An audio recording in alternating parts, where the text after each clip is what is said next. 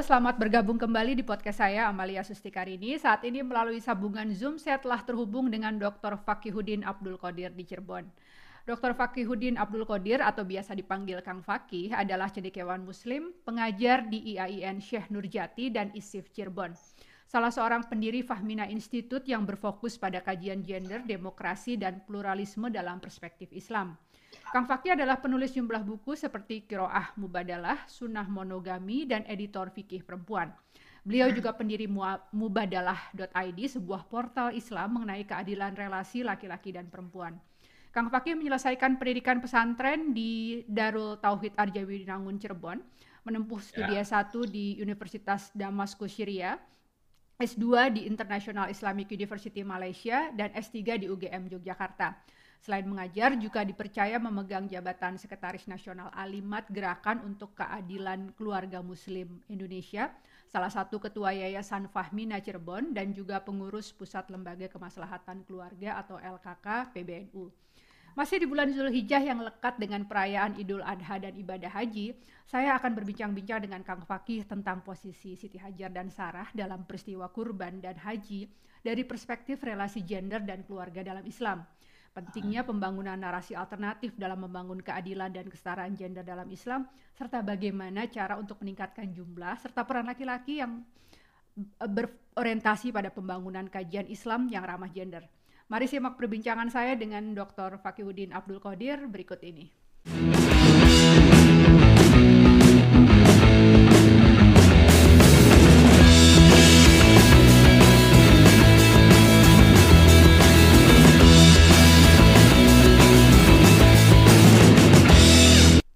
Assalamualaikum Kang.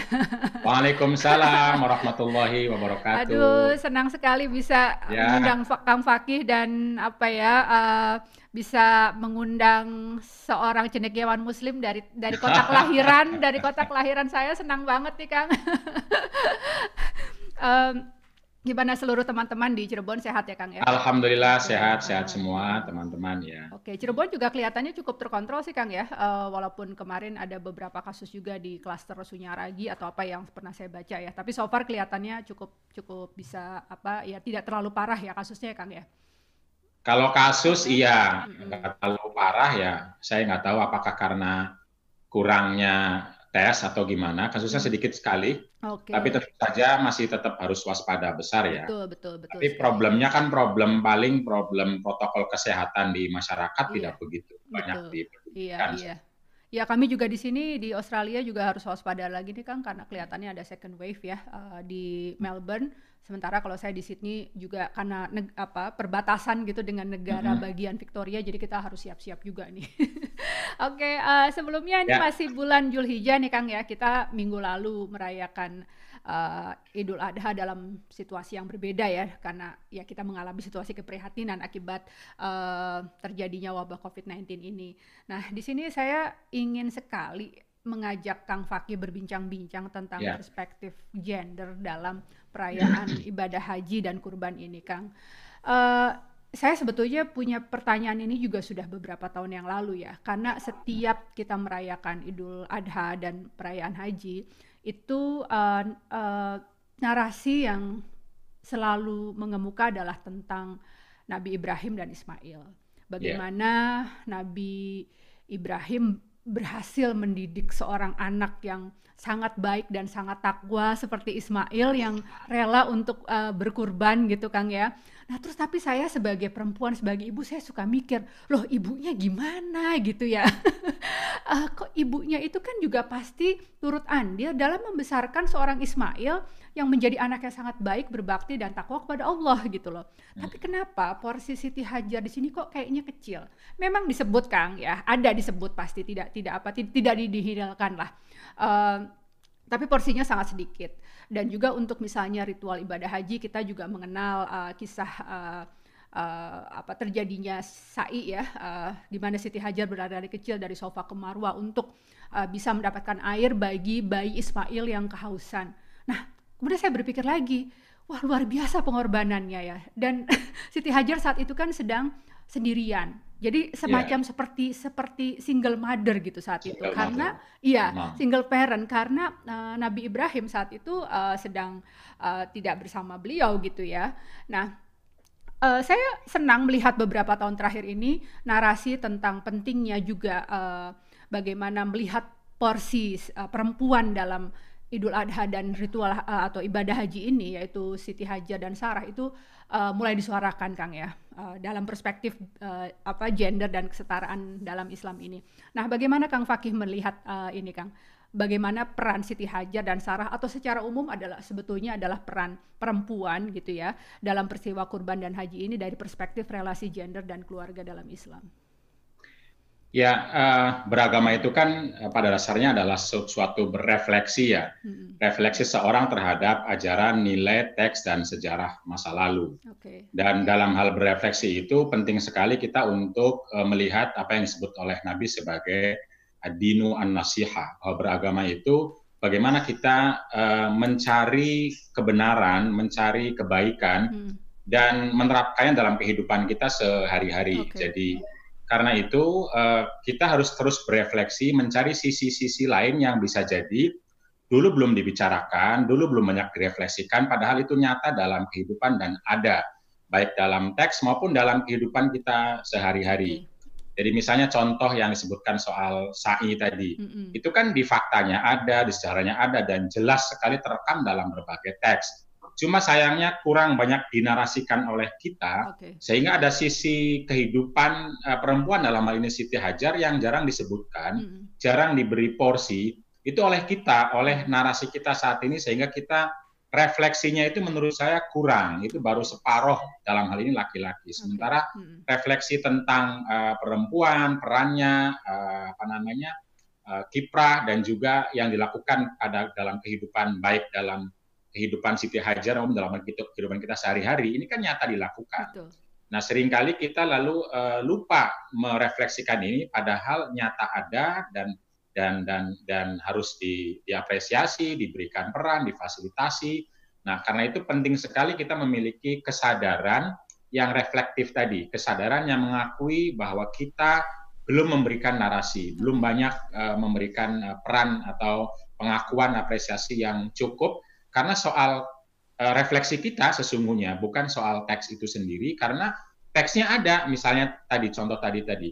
Jadi kita lebih lebih banyak membicarakan soal Nabi Ibrahim yang sholat uh, uh, di di apa namanya di dan dan Nabi Ismail yang membangun uh, Ka'bah misalnya Padahal ada satu satu salah satu rukun haji yang yang itu jelas-jelas uh, napak tilasnya Siti Hajar. Hmm. Kalau direfleksikan, diceritakan, dinarasikan, maka tentu uh, keberagaman kita akan lebih utuh karena ada peran laki-laki, ada peran perempuan, dan kedua belah pihak hmm. itu sesungguhnya membangun peradaban yang sama. Hmm.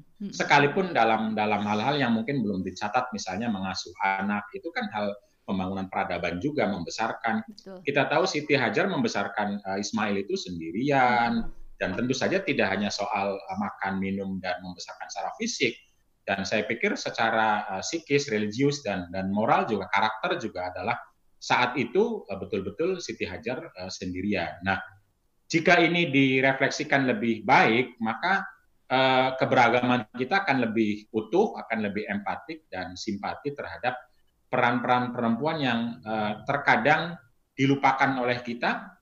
Kita tahu misalnya salah satu contoh kecil ya dalam ayat Al-Qur'an yang jelas-jelas menyebutkan bahwa wa buka la ta'budu illa iyyah wa bil walidaini ihsana yang harus berbuat baik kepada kedua orang tua. Lalu yang disebutkan secara khusus perannya oleh Allah itu justru uh, perempuan. Hmm. Wa hamluhu wa fisoluhu itu uh, apa namanya uh, mengandung, lalu menyapi, menyusui, mendidik dan lain-lain itu justru disebutkan oleh Al-Quran ketika Quran bilang kamu berbuat baiklah kepada kedua orang tua karena ibumu sudah bla bla bla bla. Hmm. Nah sudah dibilang ibumu berperan pun nyatanya yang kita ingat tetap aja peran bapak yang mencari nafkah hmm. asumsinya ya. Hmm. Lalu membesarkan. Kalau kita tahu yang membesarkan anak biasanya dalam kalangan tradisional juga itu kan ibu. tapi yang disebut lalu adalah bapak, hmm. sehingga ketika anak itu berhasil, bapaknya siapa? Hmm. Giliran anak itu nakal, ibunya ke mana? Hmm. Ini kan problem narasi sesungguhnya, bukan problem agama atau teks, karena Qurannya jelas menyebutkan peran ibu, tapi kita tidak mengapresiasi, kita tidak memberikan fasilitas yang cukup kepada ibu agar sehat, agar bermartabat, agar memiliki apa namanya energi yang cukup, ilmu yang cukup dan dan sebagainya. Uh, lalu kar karena itu kita tahu di banyak negara Muslim termasuk Indonesia kesehatan ibu dan anak Betul. dalam hal ini kematiannya sangat tinggi. tinggi. Itu kan karena kurangnya narasi, kurangnya perhatian, kurangnya apresiasi. Padahal pada saat yang sama, kalau pekerjaannya menumpuk dan dan dan banyak.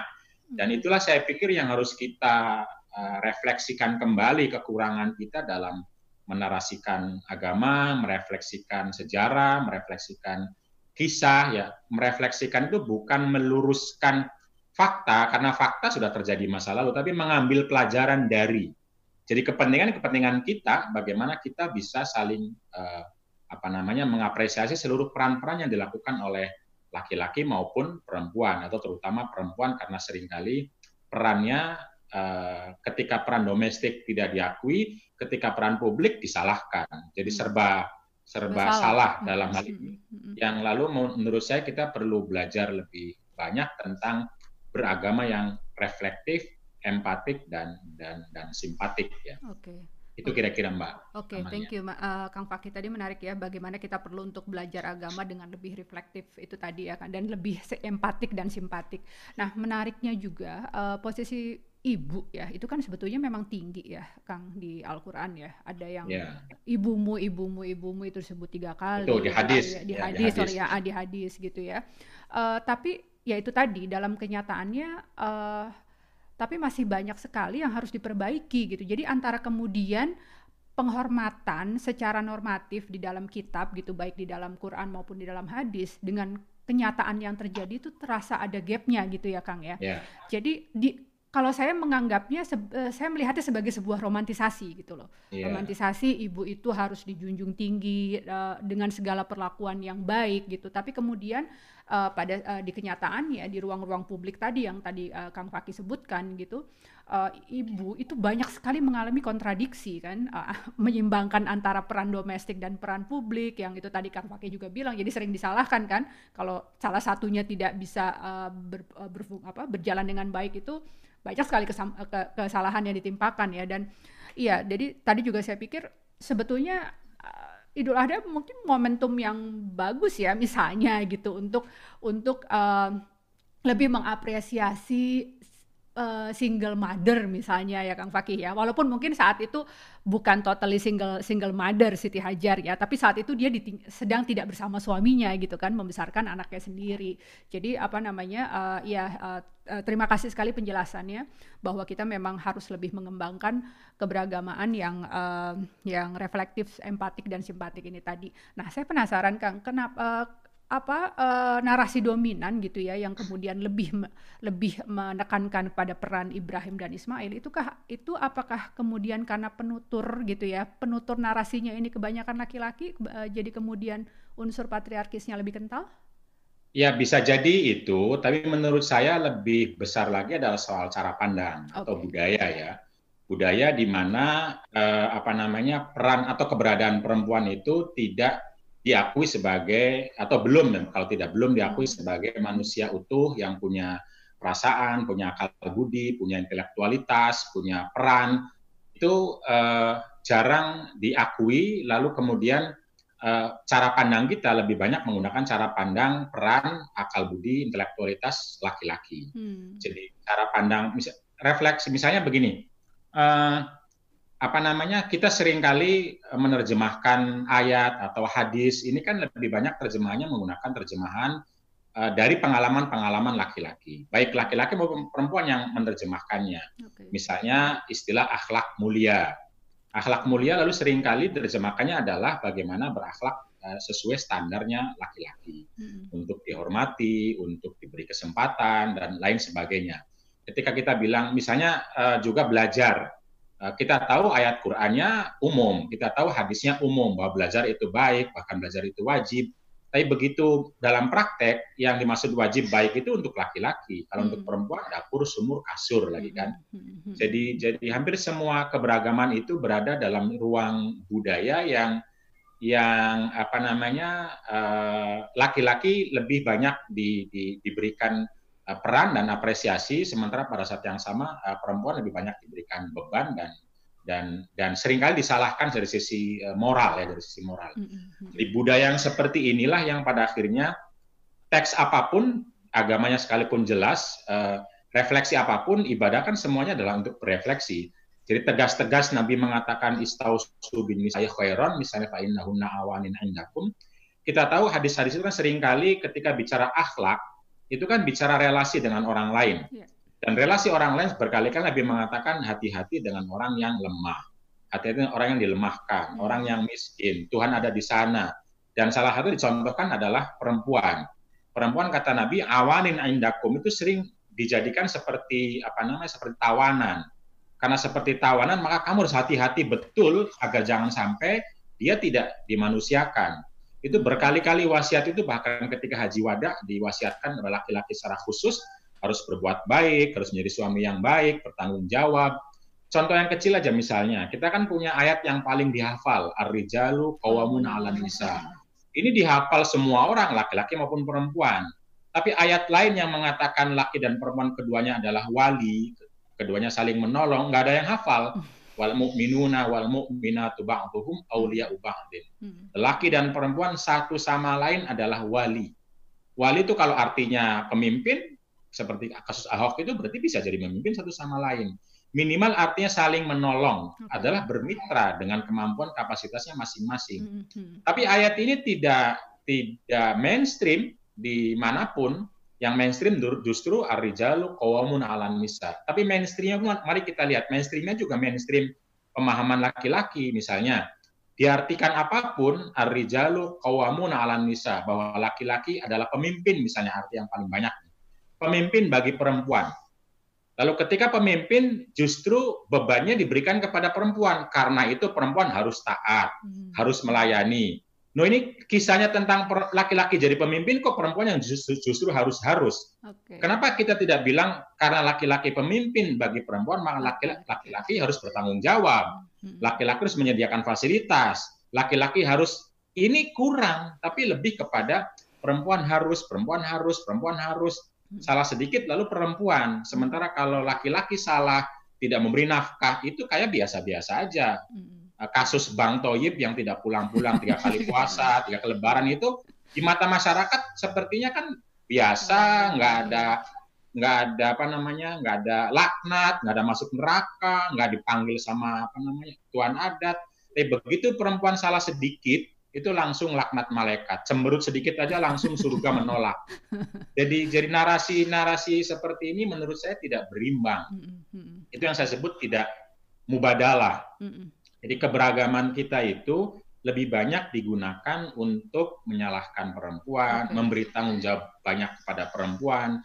Padahal bisa jadi teksnya nggak demikian, hmm. tetapi tafsir narasi yang dalam ruang budaya inilah yang lebih berat bebannya karena disuarakan oleh laki-laki dan perempuannya juga ikut menyuarakan. Okay. Jadi karena dalam ruang budaya ini, jadi mungkin salah satunya betul pemegang mic-nya, pemegang khutbahnya, hmm laki-laki. Tetapi ketika perempuan memegang pun jika budayanya, betul Kang, betul. Cara pandangnya uh, masih sama, hmm. ya sama saja, sama-sama saja. Jadi iya, oke. Okay. Itu tadi mungkin dengan istilah internal misoginis itu jadi perempuan pun yeah. ya terintern terintern terinternalisasi gitu kan uh, prinsip-prinsip misogininya gitu walaupun dia iya. perempuan yeah. tapi kemudian dia seolah-olah mengafir, mengafirmasi uh, praktek-praktek patriarki dan misogini itu tadi. Yeah. Oke, terima kasih Kang penjelasan saya ingat ya dalam satu perbincangan waktu itu saya pernah main ke kantor Fahmina nih, Kang Fakih menekankan pentingnya pembangunan narasi alternatif ya. Uh, jadi bukan melulu counter argumen tapi narasi alternatif. Yeah. Ya. Uh, saya mengagumi kerja-kerja Kang Fakih gitu ya. Bagaimana Kang, Fa Kang Fakih mengelola uh, pembangunan uh, narasi alternatif ini dengan apa ya, dengan elegan gitu kalau menurut saya ya. Seperti yang Kang Fakih lakukan dengan uh, penerbitan buku sunnah monogami. Nah di sini Kang Hafi nggak nggak pakai kata-kata misalnya uh, jangan berpoligami gitu kan atau poligami itu membawa mudorot gitu ya. Tapi Kakak Fakih justru menekankan bahwa eh uh, apa oke okay lah ada ada narasi tentang bahwa poligami sunnah. Tapi monogami juga ternyata sunnah juga dong gitu. Sunnah juga. Jadi kenapa kita tidak melakukannya? Dan saya pikir itu pengemasan yang sangat baik gitu ya dalam situasi ya kita sekarang kan uh, apa keterbelahan kita di tajam banget ya Kang Waki ya. Jadi cara mengelola narasi pun penting di sini. Nah, eh, gimana Kang Waki menjelaskan tentang pentingnya pembangunan narasi alternatif ini di tengah situasi keberagaman kita, Kang, terutama ya di kalangan kita umat Islam? Ya sebenarnya begini ya, saya berangkat dari pengalaman ya. Hmm. Jadi ketika kita konter narasi, maka kita sebenarnya sedang melayani orang yang yang yang apa kelompok atau orang yang sesungguhnya mungkin tidak perlu banyak arah. Hmm.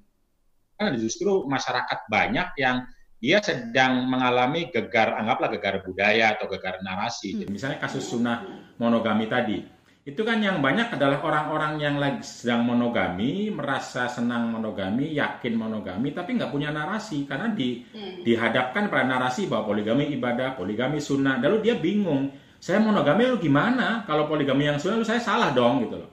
Banyak perempuan yang lu bilang, iya poligami itu baik tapi jangan saya gitu loh. Nah banyak perempuan yang bilang seperti itu kan kesannya lalu dalam Islam itu poligami yang dasar, poligami yang sunnah, poligami yang baik, poligami yang ibadah. Padahal sebagian besar uh, narasi yang ada dalam fikih maupun tafsir itu justru monogami. Jadi uh, poligami itu sangat uh, apa namanya sangat eh, apa namanya istilahnya sangat pengecualian, uh, pengecualian dan dalam konteks yang sangat darurat dan lain sebagainya. Bahkan kalau kita baca narasi tafsir itu hampir semuanya isinya kritik terhadap poligami, bukan menganjurkan poligami. Menganjurkan baru-baru baru sekarang. Jadi tadi tadi bukannya soal poligami monogami ya. Dalam soal-soal lain juga misalnya kita terlalu banyak mengkritik yang justru ing, maksudnya ingin menyadarkan uh, sebelah kelompok yang yang punya narasi itu padahal bisa jadi mereka tidak tidak merasa merasakan sadar dengan itu. Nah, kelompok besar mayoritasnya ini yang justru goyah itu malah nggak ada yang melayani karena terlalu banyak konternya. Hmm. Nah, saya lebih banyak hidup sama orang-orang seperti ini yang justru bagaimana saya ingin menjadi orang baik, bagaimana saya menjadi laki-laki yang ingin di domestik, mana dalilnya, mana hadisnya gitu loh. Jadi lebih banyak eh, banyak kerja-kerja yang justru di masyarakat uh, dilakukan, dirasakan, tetapi tidak ada narasinya atau hmm. kurang uh, narasinya gitu. Mm -hmm. Itu yang yang yang yang uh, mungkin mungkin kurang ya misalnya ada istilah izin suami. Lalu muncullah kritik besar, apa izin suami ngapain izin-izin besar sekali. Padahal uh, banyak istri merasa apa salahnya izin izin okay. suami yeah, gitu, iya. kira-kira begitu. Hmm, Lalu saya bilang saya kasih narasinya izin suami baik, izin istri juga baik. Okay. Jadi karena itu bagaimana suami izin ke istri, istri izin ke suami. Apa arti izin? Memberitahu. Mm -mm. Kenapa memberitahu itu penting? Karena ketika terjadi sesuatu di jalan, di perjalanan, kamu pergi, istri suami tahu kan mudah ketika menjadikan penyelesaian. Mm -mm. Nah itu itu berbeda dengan uh, counter narasi yang itu misoginis itu yeah, yeah, macam-macam yeah. lah yang akhirnya malah kontraproduktif karena tidak dipahami utuh substansinya di sana nggak diterima di masyarakatnya apalagi tambah susah untuk dipahami jadi okay, jadi okay. lebih ke situ. Ketika saya bilang sunnah uh, monogami sesungguhnya uh, saya mengkritik uh, poligami praktek-praktek poligami dalam dalam kenyataannya itu beresiko jadi dalam bahasa Al-Quran lebih tepat menurut saya poligami itu adalah perkawinan yang beresiko. Hmm. Karena beresiko maka lebih baik tidak dilakukan. Hmm. Nah sehingga orang yang monogami itu harusnya bangga itu sebagai pernikahan okay. yang dasar yeah, dalam yeah. Islam. Hmm, hmm. Apalagi bisa membahagiakan, bisa adil. Tentu isu utamanya bukan monogami dan poligami dalam pernikahan, isu utamanya adalah keadilan, kebaikan, kemaslahatan, dan kebahagiaan.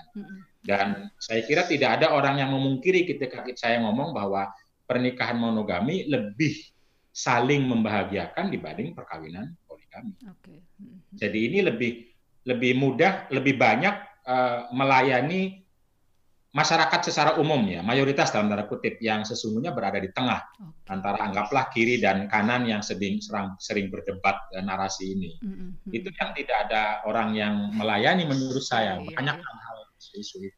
Oke, iya dan ya. mungkin sebetulnya uh, kelompok ini yang tadi Kang Fakih sebutkan itu jumlahnya juga besar ya Kang. Tapi karena mereka nggak ribut kan, nggak noisy gitu loh, jadi ya, kurang kedengeran ya. gitu ya. Dan betul, ya betul. apa, terima kasih sekali atas uh, inisiatif Kang Fakih dan teman-teman lain ya di uh, Fahmina dan organisasi lain untuk menaruh perhatian lebih pada uh, pada kelompok ini gitu sehingga kemudian uh, diharapkan narasi alternatif ini juga kemudian bisa apa ya bisa menjadi mungkin narasi dominan ya, tapi tidak kemudian otoritatif mungkin seperti itu ya. Kemudian menjadi na satu narasi kuat yang menjadi uh, juga diperhitungkan gitu tanpa harus menimbulkan konflik uh, apa ribut gitu, perdebatan panjang antar kelompok gitu ya Kang ya. Tapi uh, so far gimana penerimaan dari narasi alternatif ini Kang? Ya secara umum sih kalau misalnya uh, masuk dalam masyarakat-masyarakat hmm. uh, pesantren misalnya lalu masyarakat-masyarakat umum yang uh, memahami apa ya moral atau memahami pesan utama dari Islam itu sebagai akhlak dan rahmatan lil alamin, dia terima. Okay. Paling problemnya adalah ketika masuk dalam dunia tafsir. Hmm. Karena sering kali kan beberapa orang minta mana ayat, mana hadis. Yeah, okay. Lalu ketika ketika tafsirnya itu dianggap agak jauh dari literal, baru terjadi sedikit hmm. uh, perbedaan, tapi tidak sampai resistensi karena saya tarik pada pesan utama akhlak uh, Islam itu sendiri bahwa misalnya contoh hadis-hadis yang bicara tentang istri harus bersyukur kepada suami. Hmm. Misalnya, lalu saya bilang, saya tanya bersyukur baik atau tidak? Baik. Kalau baik kenapa nggak suami juga bersyukur? Hmm. Nah, itu aja. Dengan cara itu mereka tidak bisa menolak. Hmm. Oh, itu baik kok. Apalagi ketakurannya kan lain syakartum lazi dan nakum. Ini perintah untuk siapa? Hmm. Kan untuk laki dan perempuan. Kenapa kamu ceramahnya hanya kepada perempuan hmm. untuk bersyukur? Kapan laki-laki tidak bersyukur gitu? Nah, dengan cara seperti itu uh, apa ya mengajak pada esensi agama yang berbuat baik, relasi yang baik, senyum dan lain-lain, itu secara umum saya kira uh, diterima paling kalau dikait-kaitkan misalnya sama feminisme, sama gender baru. Tapi saya bilang ke mereka, Anda boleh menolak apa pun, silahkan. Nah, kalau nggak setuju sama feminisme, sama gender, silahkan. Tapi setuju nggak bahwa ini baik? Setuju nggak bahwa akhlak itu perlu? Kalau setuju ya sudah kita di sini aja ngomong, ya ngapain kamu bawa-bawa gender? Tapi kamu kan aktivis gender katanya. Ya itu urusan lain, tapi saya kan berbicara tentang substansi yang kita kita sepakati. Okay. Tapi kalau ngomongnya di umum yang yang tidak begitu peduli sama istilah gender, feminisme dan lain-lain, ketika saya berbicara substansi uh, berbuat baik antara laki dan perempuan, memberi peran, mengapresiasi, dan lain-lain, bekerja misalnya kan saya tanya, bekerja itu baik nggak sih? Baik.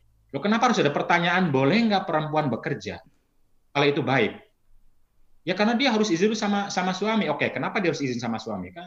Lalu saya balik lagi, kalau begitu suami baik nggak izin? Baik, ya gitulah kira-kira cara saya okay, masuk Ke, ke ke mereka ya, termasuk okay. kepada laki-laki Memang kalau nanti ditarik ke dalil, kalau dianya tahu, eh, kadang-kadang kalau paham dengan logika yang saya pakai mudah terima. Tapi kalau dianya saklek-saklekannya, nggak bisa, nggak ada teksnya, nggak jelas gitu-gitu kadang-kadang. Tapi karena saya mencoba masuk kepada substansi, esensi dan akhlak yang saya pikir uh, bisa diterima oleh oleh siapa pun, relatif lebih lebih lebih mudah Okay. Asal tidak membawa membawa istilah-istilah yang mungkin resisten ya. Oke. Okay.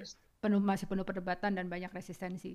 Ya, uh, tadi uh, menarik poinnya ya Kang ya. Jadi bagaimana kita berusaha menemukan common ground kali ya. Uh, ya, ya, ya. tadi akhlak itu kan sesuatu hal yang pasti pasti diterima lah oleh seluruh pasti diterima. Islam kan ya dan persepsi kita terhadap akhlak yang baik itu kan hampir sama ya hampir, hampir semua sama. sama lah gitu jadi hampir kemudian ya uh, Kang Fakih berusaha masuk lewat uh, common ground ini ya Kang ya Nah, hmm. uh, terus selanjutnya gini nih Kang, saya kan sering tuh ya mengkomunikasikan uh, beberapa pemikiran Kang Fakih ataupun narasi alternatif lain gitu tentang Islam di di grup-grup lah gitu ya.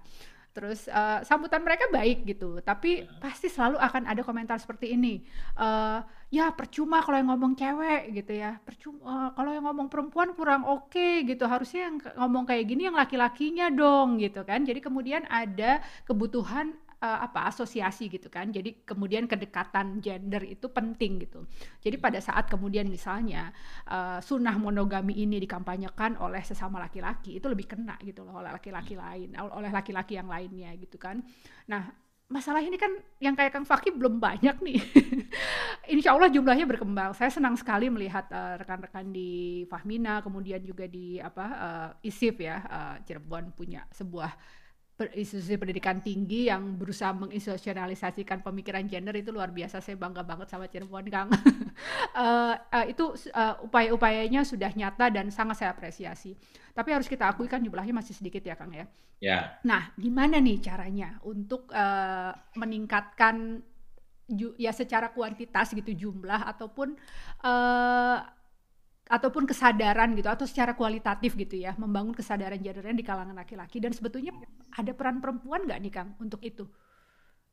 Ya kalau dibilang sedikit atau banyak sebenarnya relatif ya. Tapi dalam arti begini, kalau membandingkan dengan masa lalu misalnya 5-10 tahun yang lalu ya bisa dikatakan banyak. banyak iya, iya. Cuma kadang-kadang kan begini, apa namanya kita itu uh, lebih senang melihat kekurangan, hmm. lebih senang melihat persoalan, problem sehingga inisiatif yang sudah ada kurang banyak diapresiasi. Hmm. Jadi kadang di antara teman-teman gerakan itu ada laki-laki yang sudah maju tiga langkah hmm. misalnya, tapi juga dibully dia mundur lagi, hmm. nggak diapresiasi. Mungkin juga hal yang sama terjadi pada perempuan bisa jadi ya. Jadi kalau misalnya pada sisi jumlah kalau kita bilang saya sama Mbak Nurofiah, mm-hmm. saya kira kenal Mbak Nurofiah yeah. ya, mm-hmm. dan teman-teman yang lain itu telah paling tidak di, di kalangan Kementerian Agama itu telah melatih lebih dari 1.500 orang laki-laki hal seperti ini. Nah soal berhasil apa tidak memang relatif juga, tapi setidaknya mereka sudah memulai punya grup, punya apa namanya kegiatan, punya ceramah yang berbeda dari kemarin. Berbeda. Misalnya berbeda itu ketika dia melakukan khutbah pernikahan, dia sudah mulai memanggil laki dan perempuan untuk saling menghormati. Hmm. Kalau dulu kan khutbahnya perempuan terus harus harus harus harus sekarang udah berubah. Lalu mereka ada yang bikin fakta kesalingan, suruh tanda tangan suami dan istri bahwa ke depan tidak saling menyakiti, tidak melakukan kekerasan, hmm. RT tapi melakukan menghormati dan lain sebagainya. Okay. Ini inisiatif begini kan menurut saya harus harusnya ditangkap lalu dibesarkan, diceritakan. Hmm. Tapi kadang-kadang kan ya ada orang mengatakan ya itu sebelum seberapa itu cuma kertas macam-macam kan jadi nggak selesai-selesai. Jadi memang betul ya hidup ini penuh eh, tantangan, tapi saya lebih suka uh, dalam dalam berdakwah maupun dalam gerakan itu, mari kita cari sesuatu yang sudah menjadi modal, lalu kita besarkan. Okay. Bukan melihat problem, lalu kita merasa sendirian, okay. merasa tidak punya teman, merasa nggak siapa-siapa. Jadi, jadi uh, perempuan misalnya, ketika sudah ada perempuan yang berbuat, apresiasi, jangan nung, uh, jangan mesti nunggu laki-laki gitu loh. Okay, okay. Harus kita harus saling mengapresiasi. Kadang-kadang kan yang ngomong begitu justru orang yang yang sedang menghormati perempuan tapi dia memerlukan laki-laki. Dalam itu kan lucu sesungguhnya. Tapi oke okay lah, di satu sisi juga ada laki-laki, tetapi kadang-kadang ada juga omongan sebaliknya. Kok laki-laki melulu yang ngomong? Kadang-kadang juga begitu. Jadi menurut saya sih eh, tidak harus selalu di apa ya di kritik bukan kritik apa sih di apa dipinggirkan atau tidak diapresiasi tapi apa pun peran yang sudah ada siapa pun yang melakukan mari kita ceritakan, mari kita besarkan, mari kita cari teman berjejaring, adanya laki-laki kita hormati laki-laki, adanya perempuan kita hormati perempuan, kita gerak bersama, insya Allah dengan begitu akan lebih mudah. Tidak selalu melihat uh, kekurangannya, lalu kita merasa belum ada orang, hmm. merasa belum ada siapa-siapa. Padahal yang bergerak menurut saya sudah banyak. Kalau bicara pesantren misalnya, ada pesantren di Cirebon, ada di Jawa Timur ada ada itu yang dilihat lalu mari kita besarkan agar samping kiri samping kanannya juga lebih lebih lebih besar ya jadi ketika misalnya saya sebagai laki-laki melihat baru ada laki-laki ya harus saya dukung nah tentu saja lalu saya minta agar istrinya agar anaknya hmm. adiknya juga terlibat hmm, hmm. karena kalau belum apa sudah ngomong kok kamu terus kok laki terus dia akan mundur nantinya padahal dia sudah mulai maju okay. untuk ikut terlibat dan lain sebagainya okay. begitu itu pun hal yang sama misalnya uh, perempuan ya. Kalau bicara isu entah laki-laki terlibatan laki-laki atau tadi soal uh, uh, kok perempuan terus gitu. Menurut saya jangan pakai kok. Tapi alhamdulillah sudah ada. Apa yang kurang nih? Siapa yang belum? Kalau laki-laki siapa yang harus diundang gitu. Siapa yang harus jadi kita sehingga kita punya peta ketika kekurangan oh ini orangnya, kita ini oh ini orangnya. Karena kalau kalau ini semacam dalam psikologi kan semacam uh, positive thinking lalu karena kalau merasa uh, kurang terus, kita akan akan sulit mencari terkem, berkembang uh, daya pikirnya untuk mencari apa namanya model-model, modal-modal dan dan jaringan yang sesungguhnya sudah mulai uh, uh, ada dan dan bisa dikatakan kalau mau mau diapresiasi semua itu sesungguhnya ya banyak. Okay. Tapi banyak itu tentu saja bukan tidak bisa dibilang dengan level 100% gitu kan. Karena tidak akan ada perubahan ini dalam 100% dalam waktu cepat.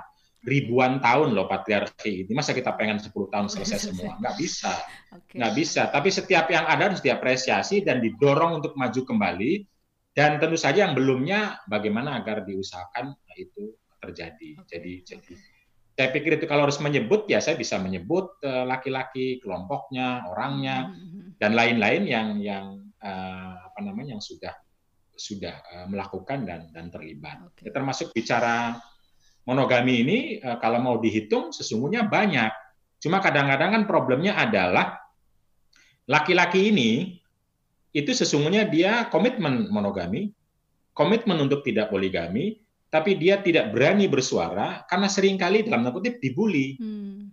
sama aktivis ada, ya ada peer pressure nah, gitu. sama aktivis sama gendernya oh, itu okay. karena mintanya laki-laki seperti itu harus persis seperti saya yang all out gitu loh hmm. ya kan nggak bisa begitu nah laki-laki yang merasa begitu tuh banyak sekali mbak okay. banyak sekali okay, okay, okay. dia merasa ber, ber, ber, beberapa kali dia juga bicara dalam konteks uh, uh, anggaplah kritik poligami monogami tetapi hmm oleh oleh kitanya masih jarang diapresiasi Apresiasi. karena pengen melihat orang itu all out. Oke, pada butuh Padahal proses tidak ya, ada perempuan yang all out juga tidak ada, antar perempuan juga masih berdebat satu sama hmm, lain. Hmm, hmm. Dan padahal ya ketika untuk untuk apa namanya untuk jalan yang lain, jalan itu misalnya kalau kita masuk ke PBNU, masuk ke MUI, masuk ke Muhammadiyah, laki-laki itulah yang memberi jalan ke kita membuat kita jalan membuat gerakan perempuan punya jalan untuk masuk ke Basul Masail atau itu laki-laki yang seperti itu. Mm-hmm. Tapi sering kitanya merasa uh, belum belum puas mm-hmm. uh, dengan laki-laki yang seperti itu gitu loh. Oke oke oke iya iya. Iya terima kasih Kang itu tadi sebetulnya. Ya sama-sama. Iya tips-tips gerakan sosial itu Kang ya gimana kita ya. fokus pada modal yang ada untuk dibesarkan daripada kita merasa dibesarkan. sendiri dan terus sendiri, ketinggalan gitu, gitu ya. Oke. Ya.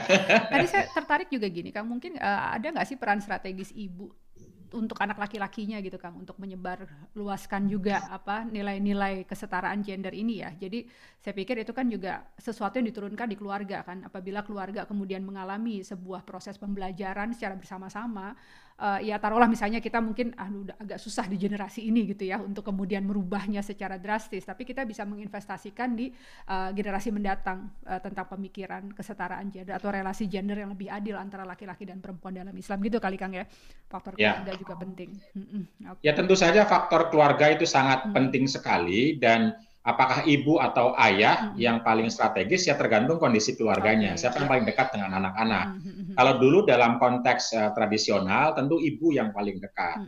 Kalau sekarang jika ayahnya sudah terlibat dalam pengasuhan, tentu ayah juga sangat sangat strategis untuk okay. ikut uh, apa namanya memberikan uh, edukasi ya. Jadi jadi jadi jadi saya dalam konteks atau dalam perspektif mubadalah yang lebih tepat adalah keluarga, bukan ibu, bukan okay. uh, eh, ayah ya, tapi keluarga. Okay. Keluarga artinya kedua belah pihak. Tentu uh, paling strategis siapa yang paling dekat, siapa yang paling uh, cocok dalam mengkomunikasikan uh, gagasan. Kadang-kadang kan ada seorang ibu dekat sama anak, tapi cara mendidiknya itu dengan cara-cara yang justru membuat anak lari karena hmm. misalnya terlalu sering marah atau apa gitu.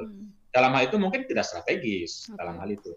Tapi tentu saja uh, banyak perempuan yang yang karena sudah me, menerima pendidikan tertentu, mengikuti cara-cara parenting yang benar, yang tepat, dan punya waktu lebih banyak dengan anak-anak ya sangat-sangat uh, strategis. Bagi saya misalnya kalimat uh, al-ummu al-madrasah al-ula itu artinya bukan ibu, kan sering diartikan iya, ibu, ibu adalah, adalah sekolah pertama, pertama. Ya untuk anak, -anak. madrasah pertama. Karena itu ibu harus berperan. Ibu harus saya iya. bilang tidak. Al ummu itu artinya keluarga. Okay. keluarga adalah madrasah pertama.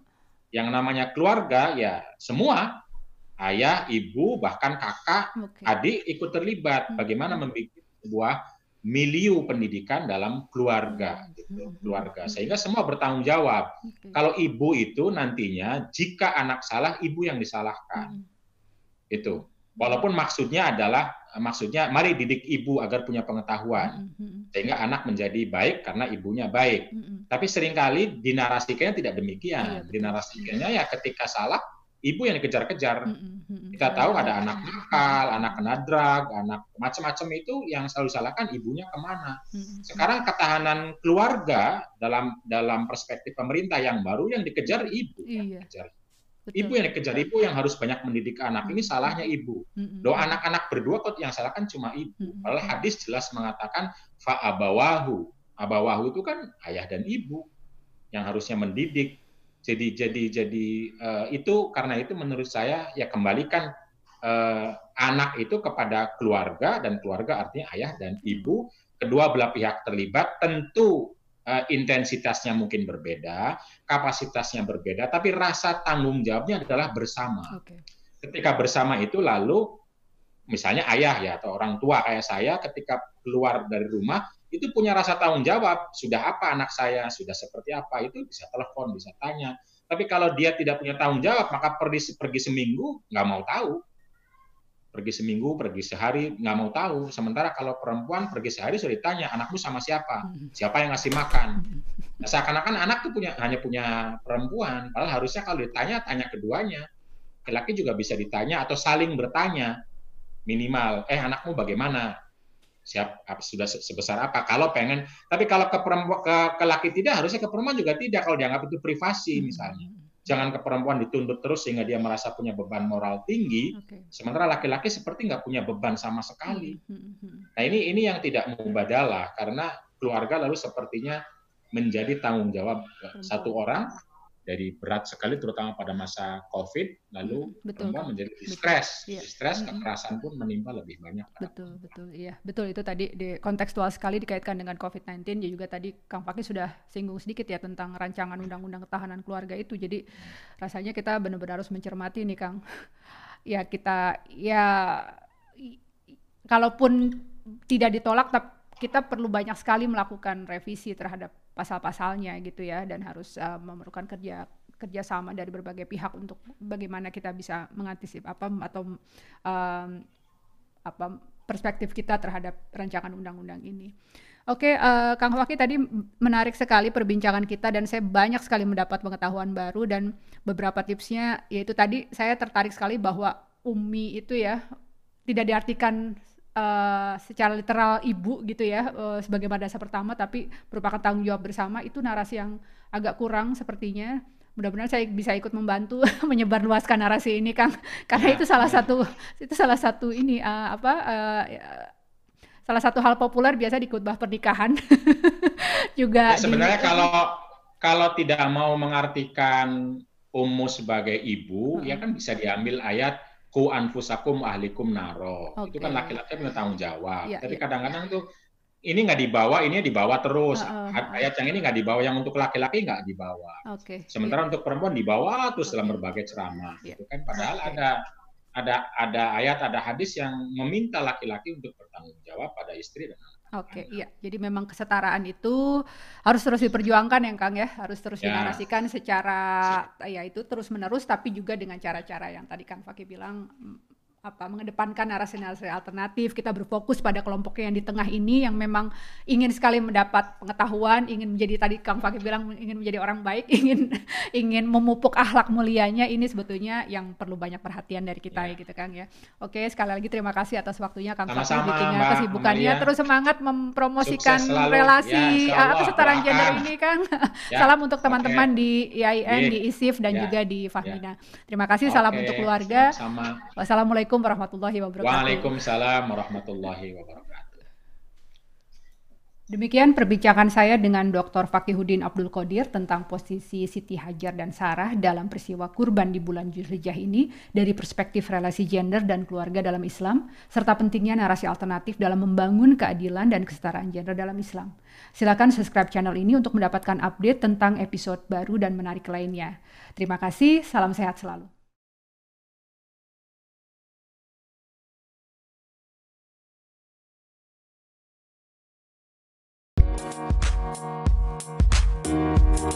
Thank you.